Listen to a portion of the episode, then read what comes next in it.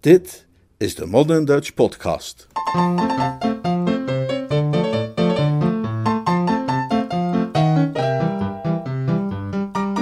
Jeeves is uniek. Een verhaal uit de pseudoroman The Inimitable Jeeves van P.G. Woodhouse, vertaald en voorgelezen door Leonard Beuger.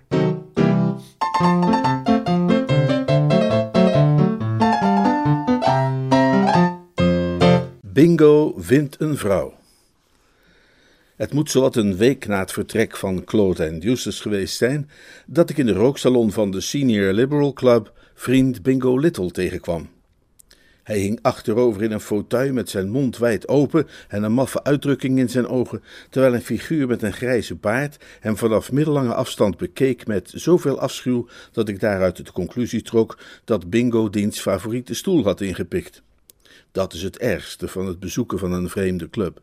Dat je voortdurend volkomen onopzettelijk de verworven rechten van de oudste bewoners met voeten blijkt te treden. Hallo, Smoel, zei ik. Hoi, lelijkert, zei vriend Bingo.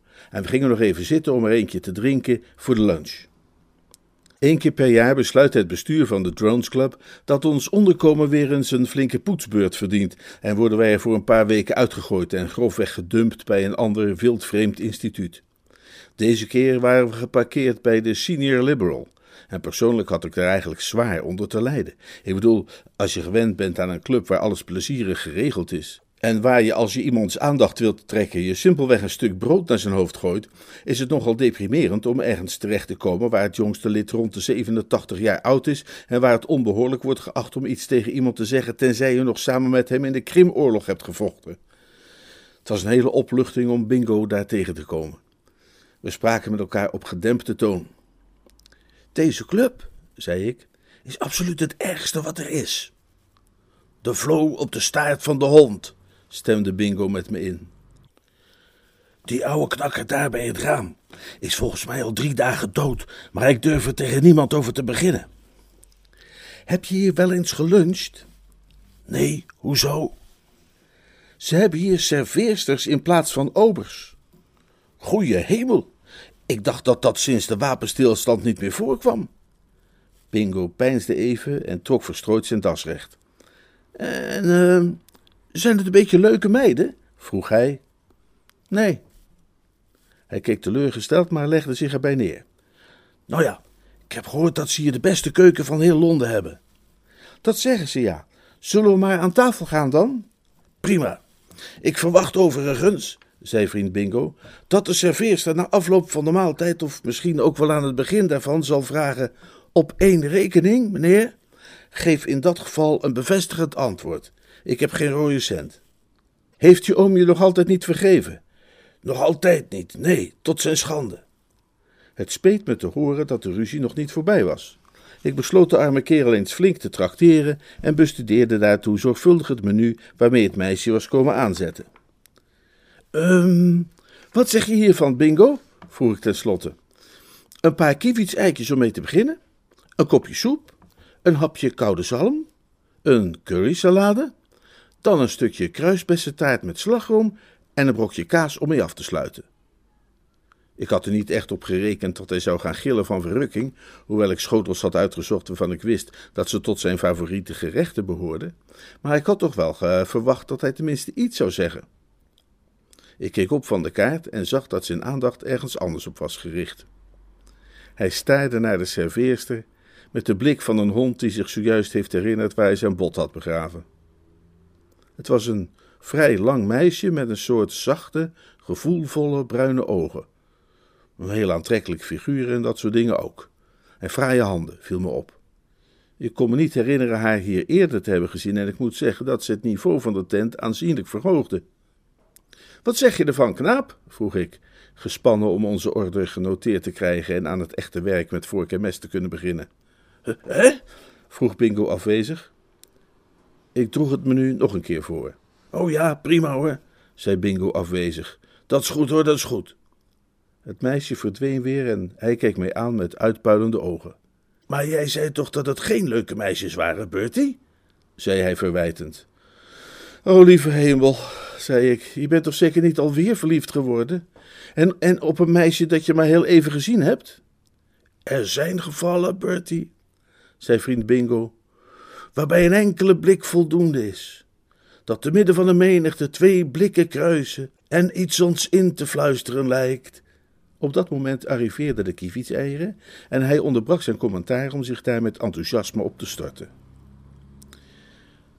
Jeeves, zei ik die avond toen ik thuis kwam, je moet me helpen. Meneer. Borstel de bovenkamer maar eens goed uit. Wees waakzaam en alert. Ik vermoed dat Mr. Little binnenkort langs zal komen met de vraag om meegevoel en adviezen. Verkeert Mr. Little in moeilijkheden, meneer? Zo zou je het kunnen noemen. Hij is voor zowat de 53ste keer verliefd. Nu vraag ik je, Jeeves, als man onder elkaar, heb je ooit zo'n kerel gezien? Mr. Little is beslist een warmbloedig man, meneer. Warmbloedig? Als je het mij vraagt, moet hij vesten dragen van asbest. Maar goed, hou je dus gereed, Jeeves? Uitstekend, meneer. En ja hoor, het was geen tien dagen later dat die sukkel bij ons aanklopte met de vraag of vrijwilligers een stap vooruit wilden doen en zich aansluiten bij de hulptroepen. Bertie, zei hij, dit is het moment om te laten zien dat je een ware vriend van mij bent. Spreek op, lelijk gargoelje, antwoordde ik. Ik leen je mijn oor. Weet je nog dat ik een paar dagen geleden met je geluncht heb in de Senior Liberal?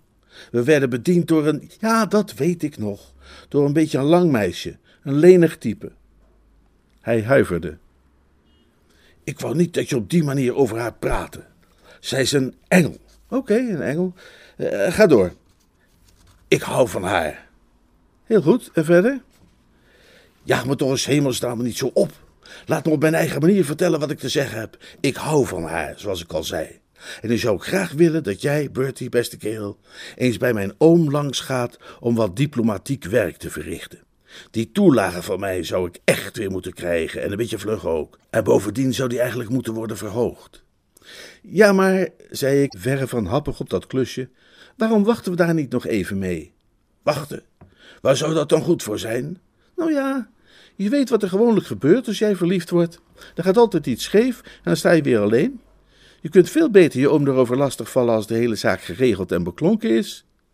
Maar het is geregeld en beklonken. Ze heeft vanmorgen mijn aanzoek aanvaard. Grote genade, dat is vlot werk. Je, je, je kent er nog geen twee weken. Niet in dit leven, nee, zei Bingo.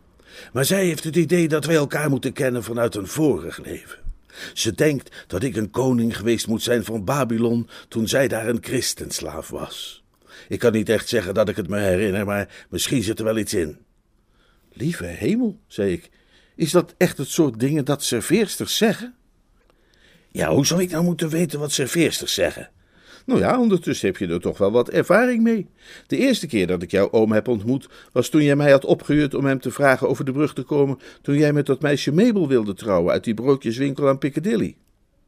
Bingo reageerde daar heel heftig op. Er kwam een vurige glans in zijn ogen, en voor ik wist waar ik aan toe was, liet hij zijn hand met een enorme klap neerkomen op mijn zomerpantalon, zodat ik opsprong als een jong lam in de lente. Ho! zei ik. Sorry, zei Bingo. Ik raakte even heel opgewonden, onbesuist, maar je gaf me een idee, Bertie. Hij wachtte tot ik klaar was met het masseren van het getroffen lichaamsdeel en hij vatte zijn verhaal. Kun jij je die gelegenheid nog voor de geest halen, Bertie? Weet je nog wat een uitgekookt plannetje ik toen bedacht had? Je weet wel, dat jij, hoe heet ze was, die vrouw die die boeken had geschreven. Dat zou ik beslist niet gauw vergeten. Die hele afschuwelijke geschiedenis was in mijn geheugen vastgeklonken. Dat zal onze aanvalsstrategie zijn, zei Bingo. Ons plan de campagne. Met Rosie en Banks opnieuw in het offensief. Nou, dat zit er niet in, beste knul. Sorry hoor, maar dat gaat echt niet gebeuren. Ik wil dat niet nog een keer allemaal meemaken. Zelfs niet voor mij? Nog niet voor een dozijn kerels zoals jij. Ik had nooit gedacht, zei Bingo klagelijk, dat ik die woorden nog eens uit jouw mond zou horen, Bertie Wooster. Mooi, maar het is dan toch gebeurd nu, hè? zei ik. Schrijf ze maar op je buik. Maar Bertie, we hebben samen op school gezeten.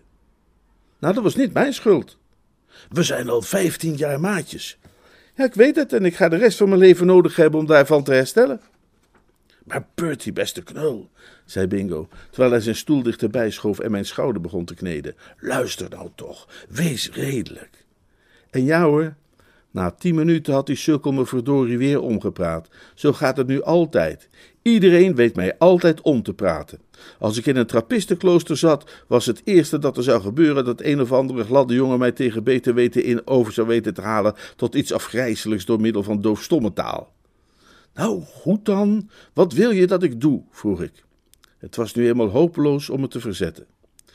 Je begint met de oude heer een gesigneerd exemplaar te sturen van je jongste creatie, met een vleiende opdracht op het titelblad. Dat zal die dolletjes vinden. En dan ga je bij hem langs en zegt hem waar het op staat. Wat is eigenlijk mijn jongste creatie? De vrouw die alles trotseerde, zei vriend Bingo. Ik heb het overal zien liggen. De etalages en de kiosken staan er vol mee. Naar het plaatje op de omslag te oordelen is het een boek dat iedereen wel geschreven zou willen hebben. Hij zal er natuurlijk wel met je over willen praten. Ah, zei ik en vrolijkte weer wat op. Daar gaat je plannetje, hè? Want ik weet niet waar dat verdomde boek over gaat. Ja, je zult het natuurlijk moeten lezen. Lezen? Nou, dat gaat me echt. Maar Bertie, wij hebben samen op school gezeten. Oh, nou goed dan, oké, zei ik. Ik wist wel dat ik op je kon rekenen. Je hebt een hart van goud. Jeeves, zei vriend Bingo toen de trouwe dienaar binnengleed, Mr. Woester heeft een hart van goud. Uitstekend, meneer, zei Jeeves. Afgezien van een wekelijkse worsteling met de sportkrant en af en toe een blik op de quoteringen bij de rennen, ben ik geen groot lezer. En mijn lijdensweg bij het doorworstelen van die vervloekte vrouw die alles trotseerde, was dan ook niet onaanzienlijk. Maar het lukte me om er doorheen te komen en maar net op tijd naar het geviel, want ik was nauwelijks aan de passage toegekomen waar hun lippen elkander ontmoetten in een lange, trage kus en alles om hen stil was, behalve het zachte ademen van de wind door de takken van de gouden regen. Toen een bode een briefje bracht van de oude Bittelsham met de vraag of ik langs wilde komen voor de lunch. Ik trof de oude heer aan in een stemming die niet anders dan dwepend genoemd kan worden. Hij had een exemplaar van het boek naast zich liggen op tafel, waarin hij telkens weer even bladerde op de momenten dat er niet gepeuzeld werd van ingelegde lekkernijen en wat niet al. Mr. Woester, zei hij, terwijl hij een hapje forel wegslikte, ik wil u feliciteren. Ik wil u bedanken. U bereikt steeds hogere toppen. Ik heb alles voor de liefde gelezen. Ik heb Zij was een meid van de straat gelezen. Die malle Myrtle ken ik praktisch uit mijn hoofd. Maar dit, dit boek is uw absolute meesterwerk. Het raakt aan de hartsnaren, rechtstreeks aan de hartsnaren. Oh, werkelijk? Ja, werkelijk. Ik heb het driemaal gelezen sinds u zo vriendelijk was mij uw boek toe te sturen. Ik wil u trouwens nog eens bedanken voor die allervriendelijkste opdracht. En ik meen dat het mij een betere, een liefhebbender, een diepzinniger mens heeft gemaakt. Het heeft mij vervuld van naaste liefde en vriendelijkheid ten opzichte van de medemens. Is dat waar? Ja, dat is werkelijk waar. Ten opzichte van al uw medemensen? Ten opzichte van al mijn medemensen, ja. Zelfs tegenover onze bingo? vroeg ik, om hem tot het uiterste op de proef te stellen. mijn neef, bedoelt u? Richard? Hij keek wat bedenkelijk, maar hield zijn rug recht en desespereerde niet. Ja, zelfs ten opzichte van Richard. Althans, dat is te zeggen, misschien, maar, maar nee, zelfs ten opzichte van Richard. Dat is heel fijn, want ik wilde het juist even met u over hem hebben. Hij zit behoorlijk op zwart zaad, weet u. Hij verkeert in behoeftige omstandigheden. Hij is volkomen blut. En hij zou heel goed een financiële injectie kunnen gebruiken elke drie maanden, als u bereid zou zijn om voor hem in de buidel te tasten. Hij peinsde een poosje en werkte zich door een plak koude parelhoen voordat hij antwoord gaf. Hij frutselde wat met het boek en het viel open op bladzijde 215. Ik wist niet meer wat er stond op bladzijde 215, maar het moet iets bijzonder flitsend geweest zijn, want de uitdrukking op zijn gezicht veranderde en hij staarde mij aan met een mistige blik, alsof hij wat te veel mosterd had gebruikt bij zijn laatste hapje ham. Hmm, nu goed dan, Mr. Woester. Zo dadelijk na een zorgvuldige lezing van dit edele werk van u, kan ik mijn hart ook voor hem niet gesloten houden. Richard zal zijn toelage krijgen. Vet, zei ik. Meteen schoot het me te binnen dat die uitdrukking door iemand die 140 kilo weegt misschien wel als iets te persoonlijk zou kunnen worden beschouwd. gaaf bedoel ik. Dat zal een heel gewicht van zijn schouders nemen. Hij wil namelijk gaan trouwen, weet u? Nee, dat uh, wist ik niet. En ik weet ook niet of ik daar wel helemaal achter kon staan. Wie is de jonge dame? Tja, om u de waarheid te zeggen, zij is een serveerster. Hij sprong op in zijn stoel. Meent, meent u dat, Mr. Woester? Dat is merkwaardig. Dat is buitengewoon verheugend. Ik had niet van de jongen verwacht dat hij zoveel standvastigheid zou vertonen. Voorbeeldige eigenschap die ik niet bij hem had vermoed, moet ik zeggen. Ik weet nog heel goed dat bij de gelegenheid waarbij ik het genoeg had u voor het eerst te ontmoeten, nu bijna anderhalf jaar geleden, Richard al opperde te willen trouwen met diezelfde serveerster. Ik moest hem wat dat betreft helaas wel teleurstellen. Nou, nee, het is niet beslist dezelfde serveerster. Het is feitelijk een, uh, een andere serveerster. Maar hij is toch wel een serveerster, dat wel. De liefde van een oom, die even in zijn ogen geblonken had, doofde weer snel uit. zei hij wat twijfelachtig. Ik uh, veronderstelde een ogenblik dat Richard iets van trouw en volharding toonde. Iets wat zeldzaam is bij moderne jongelieden. Ik, ik, ik, ik moet daar even over nadenken. Daar liet we het dus verder bij en na afloop stelde ik Bingo van de resultaten op de hoogte. Toelage in orde, zei ik. Zegen voor huwelijk ongewis. Wil hij de bruiloftsklokken niet horen luiden? Daar denkt u nog over na. Als ik een boekmaker was, zou ik honderd om acht durven bieden. Tegen. Je hebt hem vast niet op de goede manier benaderd. Ik had kunnen weten dat je er een potje van zou maken, zei Bingo. Gezien wat ik om zijn wil had moeten doormaken, trof mij die opmerking als aanzienlijk scherper dan de tand in een slang. Het is hachelijk, zei vriend Bingo. Het is verdomd hachelijk. De details kan ik je op het ogenblik niet van vertellen, maar uh, het is echt bijzonder hachelijk. Hij stak verstrooid een handvol van mijn sigaren in zijn zak en ging er vandoor. Drie dagen lang zag ik hem niet.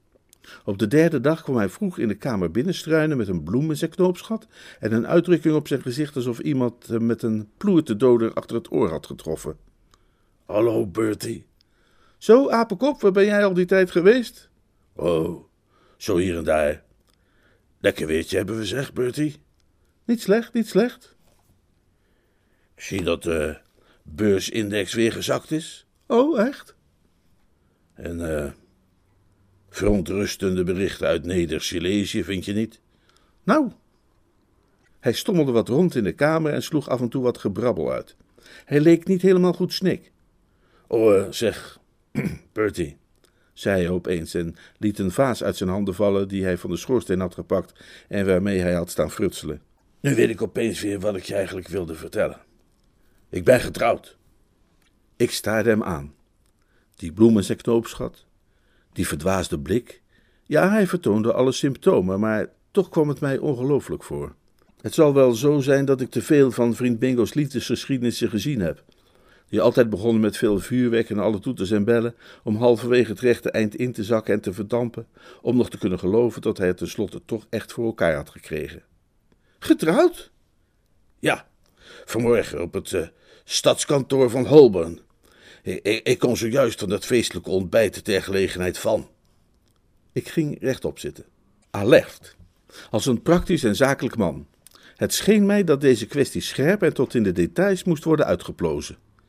Even voor alle duidelijkheid, zei ik, ben jij werkelijk getrouwd? Ja. Met hetzelfde meisje als waar je eergisteren verliefd op was?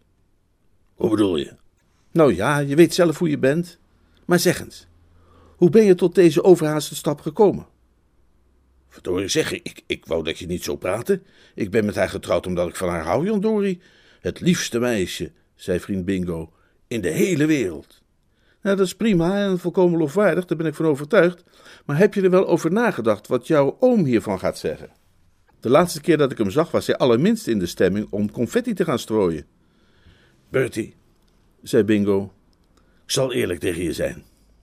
Ze heeft me voor het blok gezet, als je weet wat dat betekent. Ik vertelde haar hoe mijn oom erover dacht en toen zei ze dat ze bij me weg zou gaan als ik niet genoeg van haar hield om de woede van mijn oom te trotseren en haar stantepede te trouwen. Ik had eenvoudig geen alternatief. Ik heb een bloem gekocht voor in mijn knoopsgat en heb de grote stap genomen. En wat ben je nu verder van plan? Oh, ik, ik, heb het allemaal keurig uitgedacht. Nadat jij naar mijn oom bent geweest om hem met dit nieuws te confronteren. Wat? Nadat jij. Je gaat me toch niet vertellen dat je mij hierbij betrekken wilt? Hij keek me aan als Lillian Gish die uit een bezwijming bijkomt. Is het Bertie Wooster die ik hier hoor spreken? zei hij gekwetst. Ja, nou en of. Maar Bertie, beste kerel, zei Bingo, terwijl hij me hier en daar zachtjes beklopte. Denk toch eens na. We hebben samen op school. Oké, oké, goed dan. Je bent een fijne vent. Ik wist wel dat ik op je kon rekenen. Ze staat beneden in de hal te wachten. We halen haar op en scheuren regelrecht naar Ponsonby Gardens. Ik had de bruid alleen nog maar gezien in haar serveerstersuniform en ik had eigenlijk verwacht dat ze op haar trouwdag gekozen zou hebben voor iets heel uitbundigs qua uitmonstering. Het eerste sprankje hoop gloorde voor mij sinds het begin van heel deze duistere geschiedenis, toen ik zag dat ze niet van top tot teen gehuld was in fluweel en linten en parfum onder een bloemetjeshoed, maar dat ze daarentegen juist opvallend smaakvol gekleed was. Rustig, beschaafd, niks lawaaiigs. Naar hoe ze eruit zag, zou ze zo op uh, Berkeley Square hebben kunnen thuishoren. Dit is mijn oude vriend Bertie Woester, liefste, zei Bingo. We hebben samen op school gezeten, niet waar, Bertie? Inderdaad, zei ik. Hoe maakt u het? We hebben elkaar alles eerder ontmoet, dacht ik, onlangs bij, uh, bij de lunch. Oh ja, natuurlijk. Hoe maakt u het? Bertie weet mijn oom volledig om zijn vinger te winden, legde Bingo uit. Daarom gaat hij even met ons mee. Dan kan hij het gesprek op gang brengen en de weg wat voor ons effenen, zeg maar. Hola, taxi! Onderweg werd niet veel gepraat. Er heerste een nogal gespannen sfeer. Ik was blij toen de taxi stilhield bij Oude Bittleshams kampement en we konden uitstappen. Ik liet de heer en mevrouw Bingo achter in de hal en ging de trap op naar de salon, waar ik wachtte terwijl de butler op zoek ging naar de grote chef. In afwachting van zijn komst snuffelde ik wat in de kamer rond en stuitte daarbij onverwacht op die verdomde vrouw die alles trotseerde. Het boek lag op een van de tafels, opengeslagen op bladzijde 215, waar een passage mijn aandacht trok die dubbel met potlood was onderstreept. Meteen toen ik die passage las, zag ik dat ik met mijn neus in de boter was gevallen, want dat die mij uitstekend van pas kon komen bij mijn taak hier. Dit was die passage. Wat zou ooit kunnen opwegen Millicent's ogen fonkelden terwijl zij de onverbiddelijke oude man recht in het gelaat blikte. Wat zou ooit kunnen opwegen tegen een zuivere en alles verterende liefde? Geen vorstelijke waardigheid of macht, milord, noch de nietige verbodsbepalingen van ouders of voogden. Ik bemin uw zoon, Lord Windermere, en niets kan ons uit elkander houden. Onze liefde is door het lot bestemd sinds de dagen van het oerbegin, en wie zijt gij om u te keren tegen de wetten en decreten van het lot? De graaf staarde haar aan met priemende blik van onder zijn borstelige wenkbrauwen. Rumpf, zei hij. Voordat ik tijd had om mijn geheugen op te frissen met betrekking tot Millicent's antwoord op die opmerking, ging de deur open en wentelde de oude Bittlesham de kamer binnen. Als gewoonlijk was hij weer helemaal door het dolle heen over mijn komst. Ah, mijn beste Mr. Woester, wat een onverwacht genoegen. Gaat u alstublieft zitten. Wat kan ik voor u doen? Tja, ik ben hier deze keer in feite min of meer in de rol van ambassadeur. Namens vriend Bingo, begrijpt u wel? Zijn opgetogenheid zakte een beetje in, zo leek het mij, maar hij gooide mij er niet uit, dus ik zette nog even door. Naar mijn mening, zei ik, is het bliksems lastig om iets te vinden dat opweegt tegen wat je zou kunnen noemen een zuivere en allesverterende liefde. Kan dat eigenlijk wel, bedoel ik? Ik betwijfel het ten zeerste.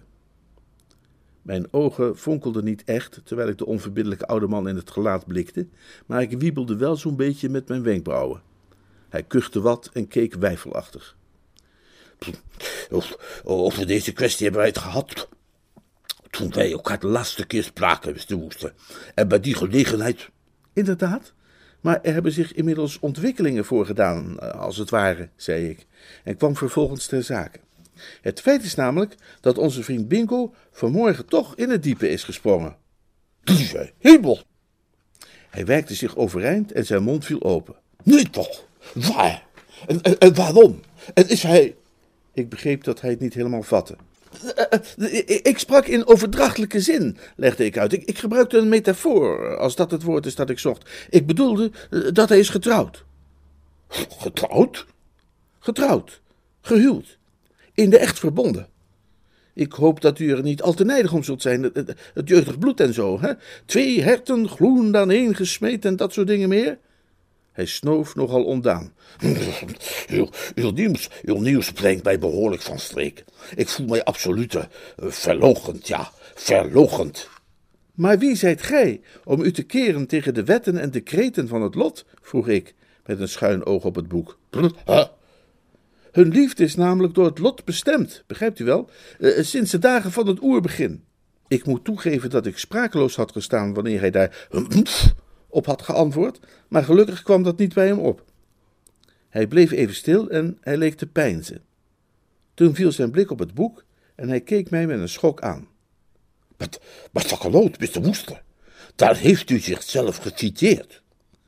Min of meer. Uw woorden kwamen mij al zo bekend voor. Zijn hele uitdrukking veranderde en hij produceerde een soort kelig lachje. Jongen, jongen, jongen, u weet wel mijn zwakke plek te vinden. Hij nam het boek van tafel en verdiepte er zich langdurig in.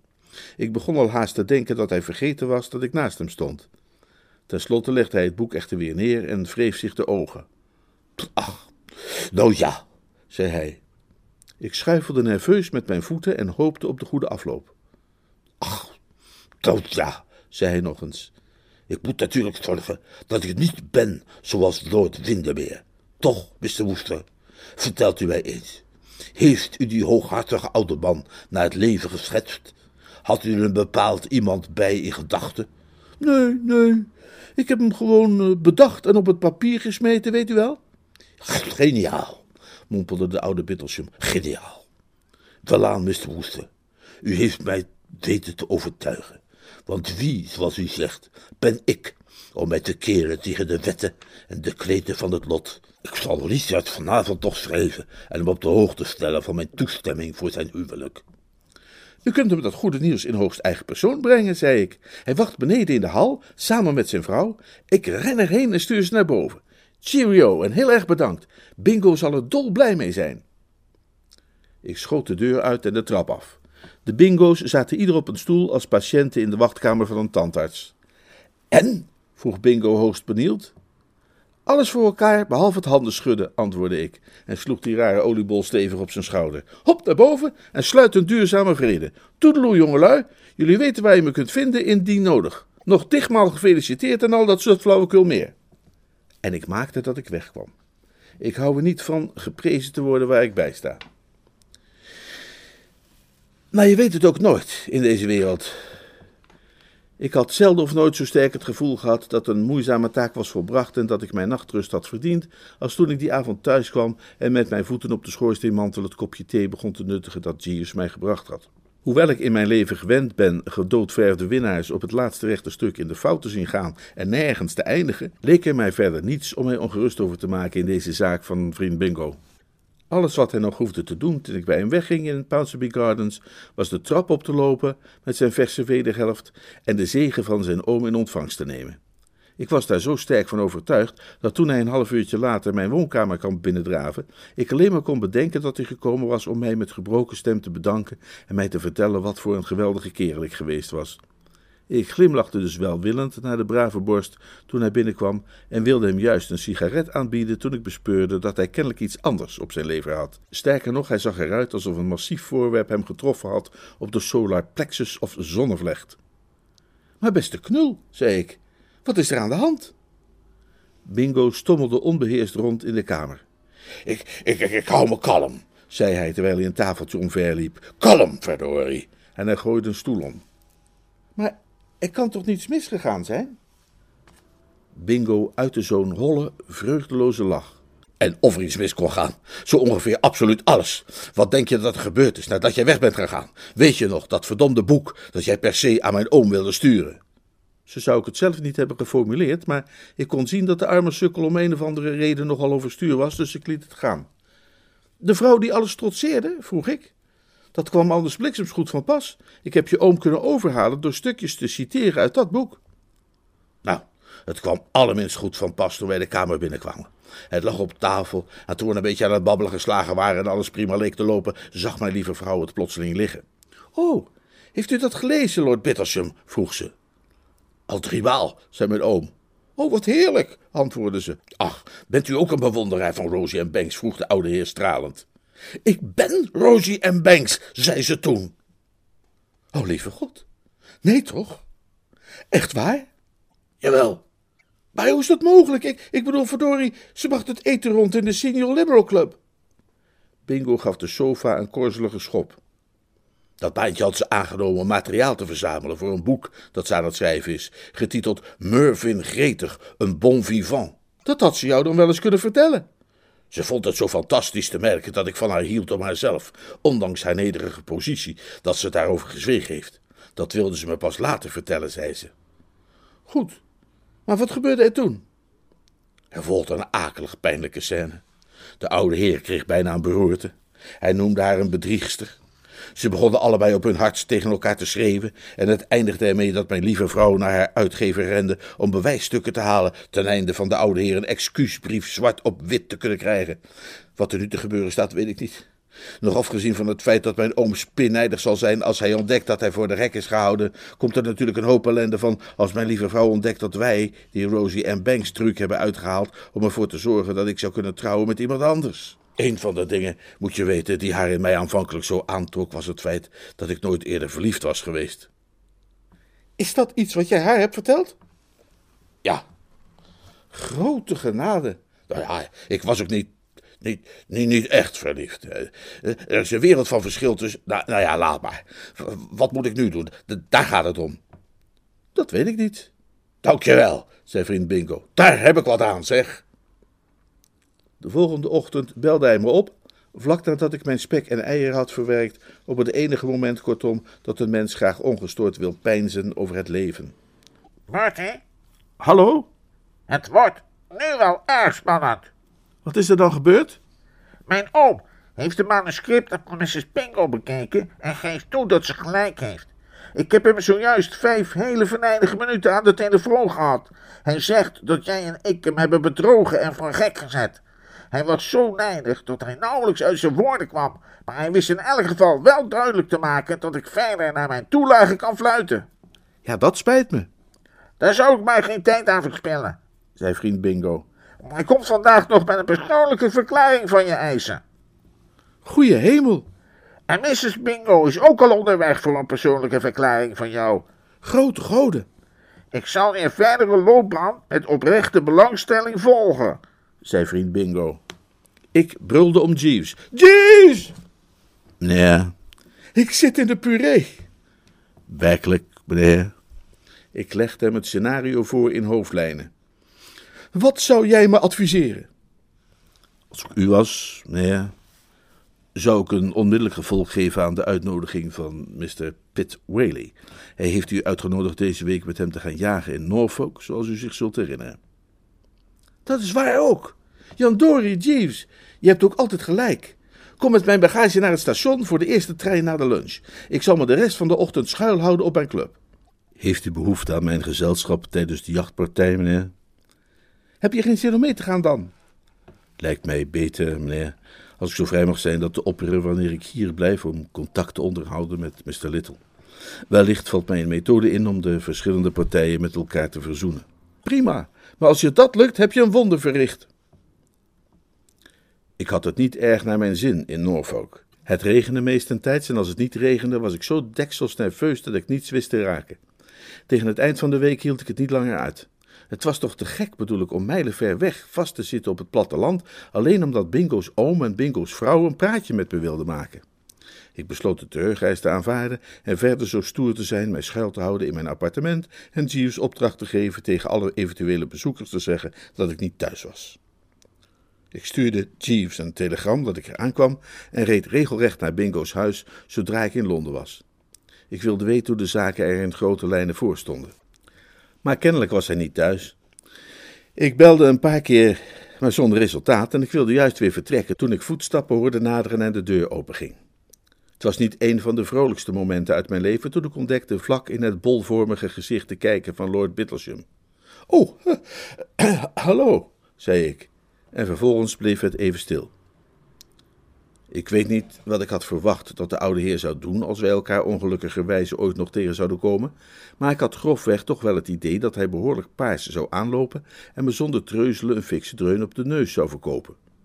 Het trof me daarom als nogal merkwaardig dat hij alleen maar een beetje naar me glimlachte. Een ijzig soort glimlachje was het. Zijn ogen puilden erbij uit en hij slikte een paar keer. zei hij. Ik wachtte even af wat hij nog meer wilde zeggen, maar kennelijk was het dat. Is Bingo thuis? vroeg ik na een ongemakkelijke stilte. Hij schudde zijn hoofd en glimlachte nog een keer. En plotseling, juist toen de conversatiestroom opnieuw begon te verslappen, maakte hij een soort onhandige sprong achteruit naar binnen en smeet de deur dicht. Ik begreep er niets van, maar daar het gesprek, voor zover er al sprake van was geweest, kennelijk was afgelopen, leek het me maar beter weer te gaan. Terwijl ik de trap afliep, kwam ik daar vriend Bingo tegen, die met drie treden tegelijk omhoog kwam. Hallo Bertie, zei hij, waar kom je opeens vandaan? Ik dacht dat je de stad uit was. Ik ben net terug. Ik kwam even bij je langs om te kijken hoe het ermee stond. Waarmee? Nou ja, met die hele geschiedenis, weet je wel. Oh, dat, zei vriend Bingo luchtig. Dat is allemaal al dagen geleden geregeld. De vredesduif klapt wiek weer lustig rond. Alles is tip-top in orde. Jeeves heeft het weer voor elkaar gekregen. Die man is een wonderbeurt. Ik, ik heb het altijd al gezegd. In een halve minuut had hij de hele zaak rechtgebreid met een van die briljante ideeën van hem. Dat is geweldig. Ik wist wel dat je er blij mee zou zijn. Gefeliciteerd. Dank je wel. Maar wat heeft Jeeves dan uiteindelijk gedaan? Ik zag zelf absoluut geen oplossing voor die beroerde situatie. Oh, hij nam de kwestie op zich en had die echt in een seconde geregeld. Mrs. Bingo en mijn oom zijn nu dikke vrienden. Ze kletsen samen urenlang over literatuur en al dat soort dingen. Hij komt om de havenklap langs voor een praatje. Dat herinnerde me ergens aan. Hij is er op dit moment ook, zei ik. Maar Bingo, gaat het verder wel een beetje goed met je oom? Zoals gewoonlijk, hoe bedoel je? Ik bedoel, is het allemaal niet een beetje te veel voor hem geweest of zo? Hij gedroeg zich daarnet althans uiterst merkwaardig. Heb jij hem gesproken dan? Hij deed de deur voor me open toen ik daarnet aanbelde. Maar toen hij mij een tijdje vreemd aan had staan koekeloeren, smeet hij plotseling de deur weer voor mijn neus dicht. Vond ik merkwaardig, weet je. Ik bedoel, ik zou het gesnapt hebben als hij mij de huid vol zou hebben gescholden, maar verdorie, de man zag er eerder uit alsof hij ergens bang voor was. Vriend Bingo lachte een zorgeloze lach. ja, maar dat klopt helemaal, zei hij. Dat ben, ben ik vergeten je te vertellen. Ik had het je willen schrijven, maar dat is erbij ingeschoten. Hij denkt dat jij geestelijk gestoord bent. Hè? Wat? Ja, dat was Jeeves idee, weet je wel. Dat heeft het hele probleem fantastisch opgelost. Hij stelde voor dat ik mijn oom zou vertellen dat ik jou volkomen in goed vertrouwen aan hem had voorgesteld als Rosie en Banks. Dat jij mij zelf meerdere keren had verteld dat jij dat was en dat ik geen enkele reden had gehad om daaraan te twijfelen. Het idee was dan dat jij zogenaamd leed aan hallucinaties en uh, algehele gekte. En, en, daarna hebben we Sir Roderick Glossop erbij gehaald. Je weet wel, die oude heer wiens zoontje jij in de vijver hebt geduwd die keer op Ditwich Hall. En die kwam met het verhaal dat hij wel eens bij jou op de lunch is geweest en toen ontdekte dat jouw slaapkamer vol zat met katten en dode vis. En dat je ook een keer zijn hoge hoed had afgegist toen je langs zijn auto reed in een taxi en al dat soort dingen meer, weet je wel. Nou ja, dat maakt ons hele verhaal keurig rond. Ik heb altijd al gezegd, en dat zal ik ook blijven doen, dat als je maar op Jeeves vertrouwt, het noodlot geen vat op je heeft. Nu kan ik veel verdragen, maar er zijn grenzen. Nou ja, zeg, van alle brutale rotstreken die ik van mijn levensdagen. Bingo keek me verbijsterd aan. Maar je vindt het toch niet erg, zei hij. Niet erg? Half Londen is ervan overtuigd dat ik een waanzinnige ben die in het gesticht thuis hoort en ik mag dat niet erg vinden? Zakkerlood! Bertie, zei Bingo, je verbijstert me en je kwetst me ook. Ik had nooit kunnen dromen dat jij er moeite mee zou hebben iemand een beetje te helpen die al meer dan vijftien jaar je vriend is geweest. Ja, maar moet, moet je nou eens luisteren? Ben jij vergeten, vroeg vriend Bingo, dat wij samen op school hebben gezeten? Ik stevende op huis aan. Ik ziede en niet te weinig. Van één ding was ik zeker, en dat was dat de wegen van Jeeves en mij ditmaal toch werkelijk zouden scheiden. Een voortreffelijke bediende, dat is waar, in heel Londen geen betere, maar ik zou me daardoor niet laten intomen. Ik stoomde mijn appartement binnen als een razende oostenwind. Daar stond mijn sigarettendoos klaar op het kleine tafeltje, met de geïllustreerde bladen op de grote tafel ernaast, mijn pantoffels eronder en alles zo akelig goed, zo precies als je het hebben wilt, als u begrijpt wat ik bedoel, dat ik binnen twee minuten al een stuk kalmer begon te worden. Het was als zo'n scène in een stuk waar de hoofdpersoon die op het punt staat een gruwelijke misdaad te begaan, plotseling de zachte, betoverende tonen hoort van de aloude melodie die hij leerde op zijn moeders schoot. Ik werd vermurwd, zal ik maar zeggen. Uh, dat is het woord dat ik zocht, hè? Vermurwd. En daar kwam de oude vertrouwde Jeeves over de drempel gezweefd aan het hoofd van een dienblad vol met de vereiste ingrediënten. Er was iets alleen al in de aanblik van de man. Ik verhardde echter mijn hart en deed een ferme poging. Ik heb zojuist Mr. Little gesproken, Jeeves, zei ik. Werkelijk, meneer. Hij, uh, hij vertelde me dat je hem geholpen had. Ik heb mijn best gedaan, meneer. En ben blij te mogen zeggen dat een en ander thans naar wens verloopt. Whisky, meneer. Dank je. Uh, Jeeves? Nee. Um, een andere keer. Nee. Nee, nee niks. Uh, niet te veel soda, Jeeves. Uitstekend, meneer. Hij stond op het punt weer weg te zweven. Oh, Jeeves? Nee. Ik wou. Althans, ik dacht, ik. Ik bedoel. Ach, laat maar. Uitstekend, meneer. De sigaretten staan bij uw elleboog, meneer. Het diner is gereed om kwart voor acht precies, tenzij u buitenshuis wenst te dineren. Nee, ik, ik, ik eet thuis. Goed, meneer. Jeeves? Meneer? Nee, niks, zei ik. Uitstekend, meneer.